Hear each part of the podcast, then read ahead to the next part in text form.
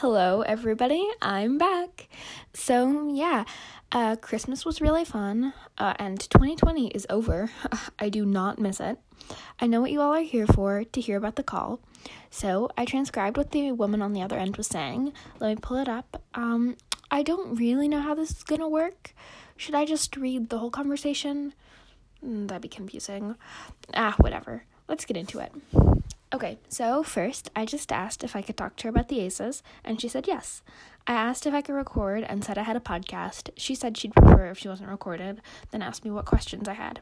When I said I didn't really have any questions planned, she told me how the ACEs started. She said that they started in the late 1600s or very early 1700s in New England as sort of a social group, but she sounded really, oh, well, confused when she said the word social group. Eh, whatever. Years later, when people started moving across the country, the Aces still kept in touch. And when I asked about the shack, okay, brace yourself. It was a secret storage facility for something that she wouldn't tell me about. So I might have overhyped it in the episode. I was so caught up in the moment, though. Anyways, the other half of her next episode. Until then, I'm Zoe, and this is my life on lockdown.